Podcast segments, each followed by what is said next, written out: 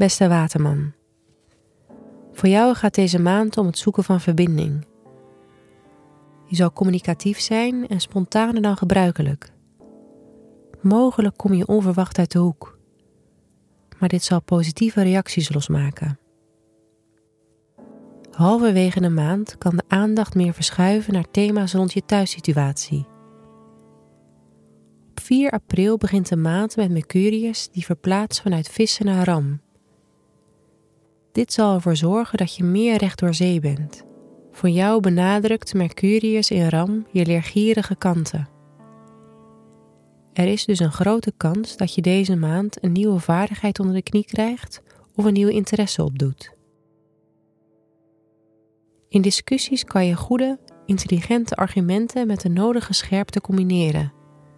Dat maakt het, vooral tot 19 april, een goede periode om te publiceren of te spreken voor een publiek.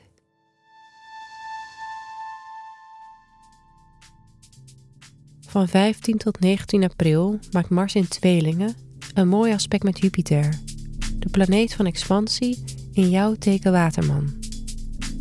Daarom zal je deze dagen meer gericht zijn op je reputatie en zelfbeeld. Je zou bijvoorbeeld een goede indruk willen maken op je werk. Ook zou dit over het algemeen een verbetering van je zichtbaarheid kunnen betekenen.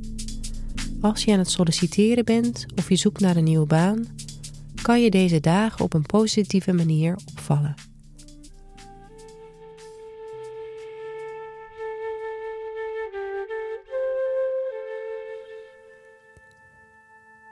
Op 19 april verplaatst Mercurius naar het teken stier.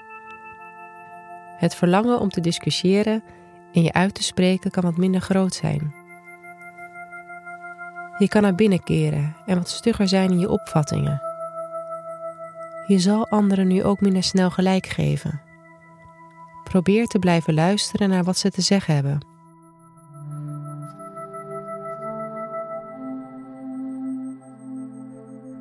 Ook de zon verplaatst naar stier.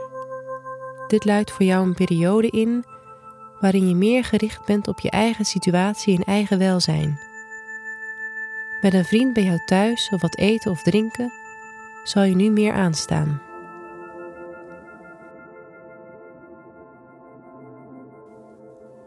Op 23 april gaat Mars vanuit de spraakzame tweelingen naar de afwachtende kreeft.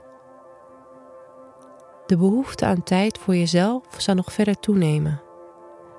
Probeer jezelf echter niet alleen thuis op te sluiten, maar zoek naar fijne activiteiten met anderen. Een gedeelde hobby bijvoorbeeld. In deze periode zou je extra kunnen genieten van tijd in de natuur. Gun jezelf voldoende frisse lucht en beweging.